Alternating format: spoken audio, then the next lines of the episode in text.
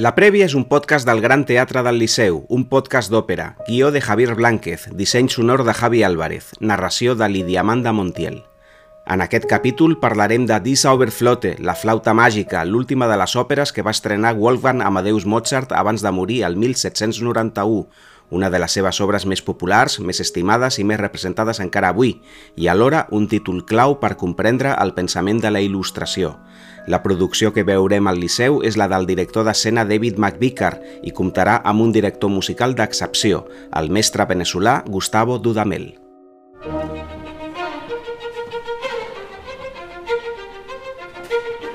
Durant la seva vida, Mozart va compondre un total de 22 òperes, entre les quals hi ha un conjunt ben conegut d'obres mestres. Ara bé, quina és la millor de totes? En general, hi ha un consens gairebé unànime que sosté que l'òpera més perfecta de la seva llarga producció és Don Giovanni, per diferents motius. Per exemple, la universalitat dels seus temes, el refinament de la seva partitura o la qualitat literària del llibret.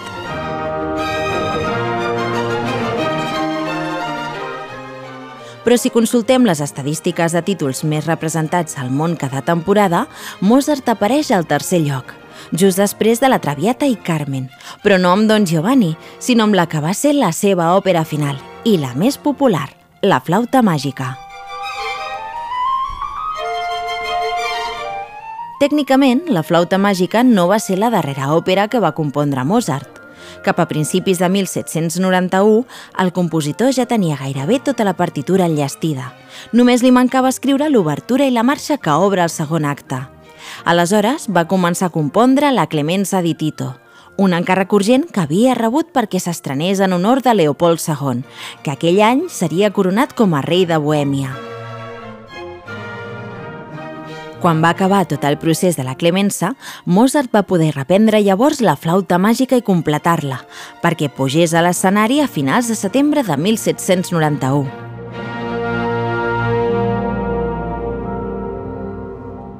Normalment se cita aquest títol com el més fantàstic, alegre i divertit de Mozart, ja que al cap i a la fi és un conte de fades amb personatges que representen els arquetips del bé i del mal.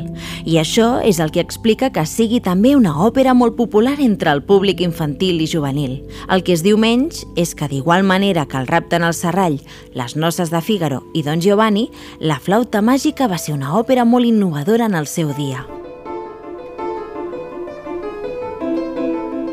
Tècnicament, pertany a l'esfera de l'òpera còmica, amb números esbojarrats i melodies fàcils de recordar, però l'humor s'alterna amb la profunditat filosòfica. Alhora, el llibret està en alemany, cosa que va fer que Mozart adoptés les convencions del Singspiel, on els recitatius es declamen com a diàlegs, sense acompanyament musical. I encara així, la flauta màgica tampoc és un Singspiel convencional – com que era una òpera pensada per a un públic popular, fora de la cort, Mozart no va haver de buscar la condescendència de cap aristòcrata ignorant i va aprofitar l'oportunitat per experimentar. Així, va demostrar que quan el deixaven lliure era capaç de superar els seus propis límits i assolir noves cotes d'excel·lència sublim.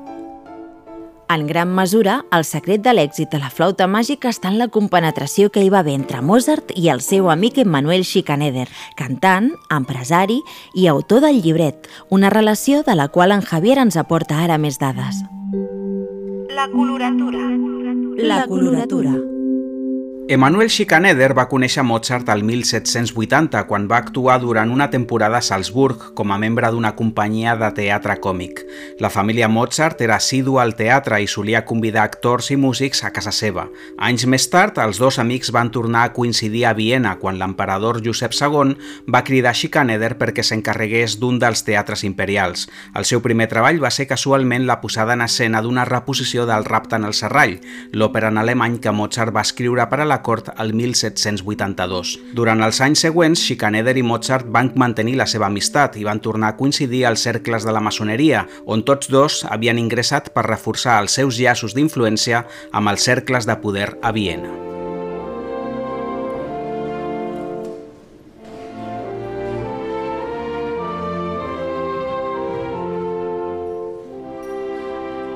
Aquest coneixement que tots dos compartien pels rituals, les fonts i els ideals de la maçoneria va ser el que els va acabar d'unir el 1790 al voltant d'un nou projecte que va acabar sent la flauta màgica. El 1789, Schikaneder es va convertir en administrador d'un teatre popular als afores de Viena, el Freihaus, on va començar a representar comèdies poc exigents, amb música fàcil de memoritzar i molts trucs escènics espectaculars. Mozart volia tornar a compondre una òpera en alemany, però no trobava facilitats a la cort, així que va acceptar l'encàrrec de Schikaneder per posar música a una història fantàstica que aquest havia començat a escriure i que s'inspirava en textos de dos autors molt coneguts pels maçons de Viena, sobre els misteris dels egipcis, del naturalista Ignaz von Born i els contes sobrenaturals de Christoph Martin Wieland, en particular un titulat Lulu o la flauta màgica. Schikaneder estava pensant en un conte de fades, protagonitzat per un príncep egipci que acabava trobant l'ideal de la il·lustració, és a dir, la raó, després de superar diverses proves perilloses, inspirant-se en els rituals maçònics. Finalment, el text va aconseguir ser una síntesi de dues idees. D'una banda, era una història d'aventures que donava peu a unes representacions vistoses per a tots els públics, en què apareixien personatges volant, explosions i grans titelles en escena, però també tenia de fons una simbologia maçònica que només era accessible accessible per a un públic iniciat. Per exemple, al llarg de tota l'òpera apareix de manera recurrent el número 3, que és un codi maçònic, les tres dames de la reina de la nit, els tres nens que guien Tamino, les tres notes d'arrencada de l'obertura, etc.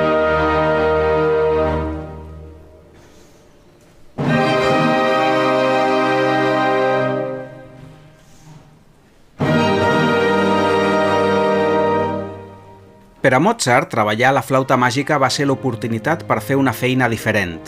No només s'identificava profundament amb la fantasia de Schikaneder i les idees il·lustrades que transmetia el llibret, sinó que també buscava una manera més lliure de fer òpera, en alemany, barrejant una part còmica amb una altra seriosa, sense discriminar públics, introduint nous instruments com el carilló i fins i tot acceptant la participació d'espectadors infantils. A la cort de Viena, un projecte com la flauta màgica hauria estat desestimat.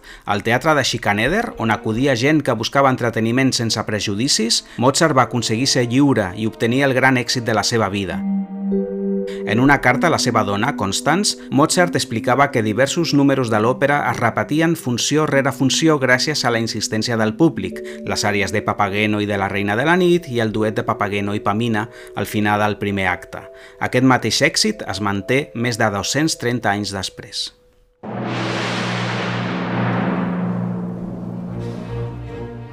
La flauta màgica és una alegoria pròpia del segle de les llums, que representa el conflicte entre la il·luminació i la foscor, entre la ciència i la superstició, i on les forces de l'ordre i la saviesa acaben imposant-se a la por i les baixes passions.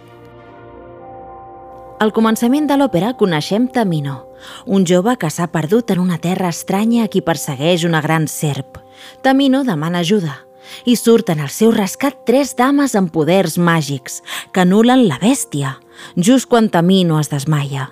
Mentre les tres dames admiren la seva bellesa, apareix el següent personatge important, Papageno, un caçador d'ocells que serveix a la sobirana d'aquestes terres, la reina de la nit, i la màxima obsessió de la qual és trobar una parella, casar-se i tenir fills.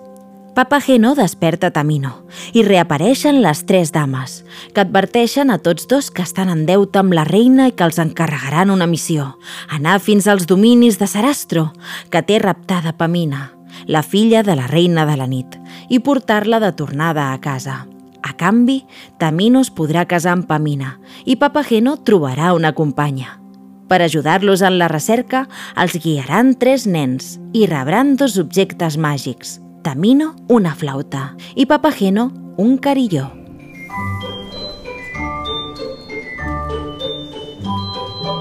Papageno és el primer a arribar al castell de Sarastro i allà localitza Pamina, que està sent assetjada per un ésser viscós anomenat Monòstatos, que més tard descobrirem que és un esbirro de la reina de la nit.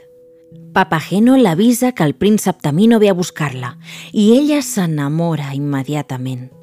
Mentrestant, Tamino també ha arribat al castell i troba quelcom que no esperava. Un lloc consagrat a la ciència, el coneixement i la filosofia. Un orador l'avisa que ha entrat en un espai sagrat i li demana que l'acompanyi per presentar-lo a Sarastro. Així acaba el primer acte.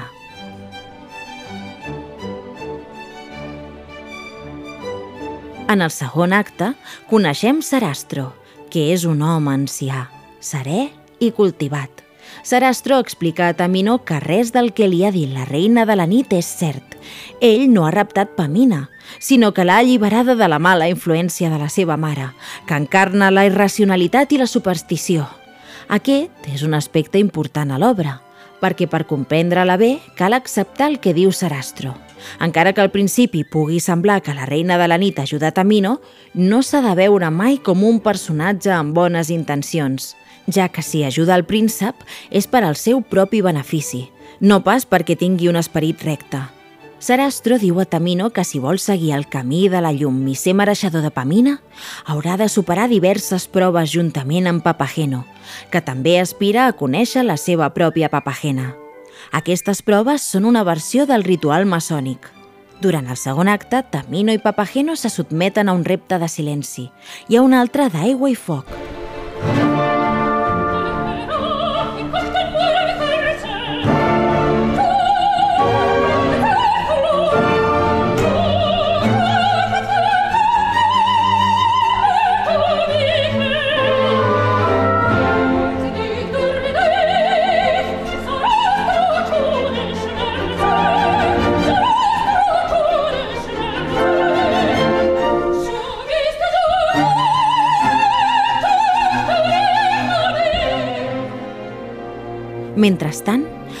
Pamina rep la visita de la reina de la nit, que ha descobert que Sarastro està actuant contra ella. Li ordena que el mati, però Sarastro frustra els seus plans i decideix iniciar també a Pamina en el ritual de conversió i acompanyarà Tamino i Papageno. Quan tots els personatges superen les seves proves, la llum ha vençut la foscor.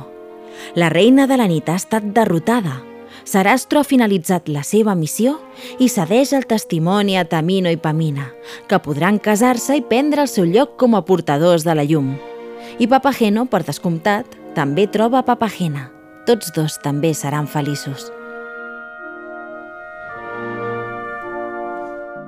El final feliç i l'entorn fantàstic és el que dona a la flauta màgica una aparença de conte de fades. Però, com hem vist, hi ha una simbologia molt més complexa. Al segle XVIII, la maçoneria era una societat secreta, que entenia l'univers com una gran obra creada per una ment superior, un déu arquitecte que l'havia dissenyada segons els criteris d'ordre, simetria, equilibri i raó. Formar part d'una lògia implicava acceptar la idea del progrés en benefici de tota la humanitat, els postulats de la ciència i rebutjar el pensament irracional. Tant Mozart com Schikaneder coneixien i compartien el programa intel·lectual de la il·lustració i la flauta màgica és una obra en clau. Aparentment, una història arquetípica que pot agradar a un nen.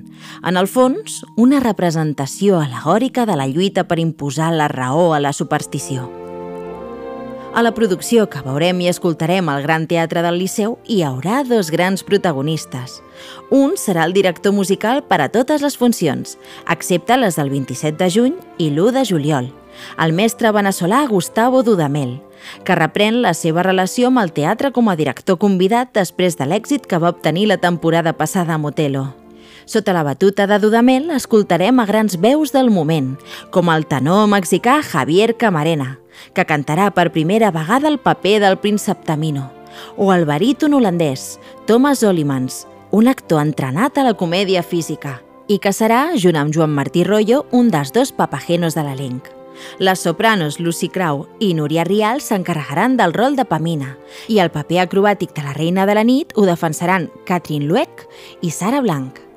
L'altre gran protagonista serà el director d'escena escocès David McVicar, que recupera la producció estrenada a la Royal Opera House de Londres el 2003 i que ha tingut innombrables reposicions des de llavors. L'èxit de la proposta de McVicar es basa en l'encert a l'hora d'articular aquests dos eixos sense els quals no es pot admirar l'encant complet de la flauta màgica. La producció cuida amb detall els aspectes més immediats de l'obra.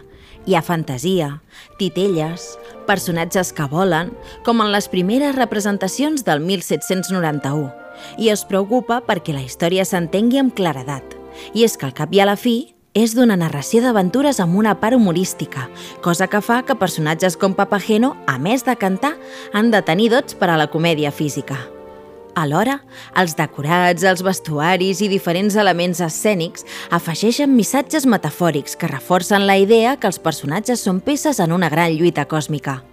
Per exemple, Sarastro resplendeix amb robes de color vermell i or, que brillen i projecten ordre, ja que representa la raó, i les parets del seu castell estan recobertes de paraules que al·ludeixen a la filosofia, la literatura i la ciència. La reina de la nit té aspecte de madrastra malvada de conte de Disney i el seu entorn sempre és fosc.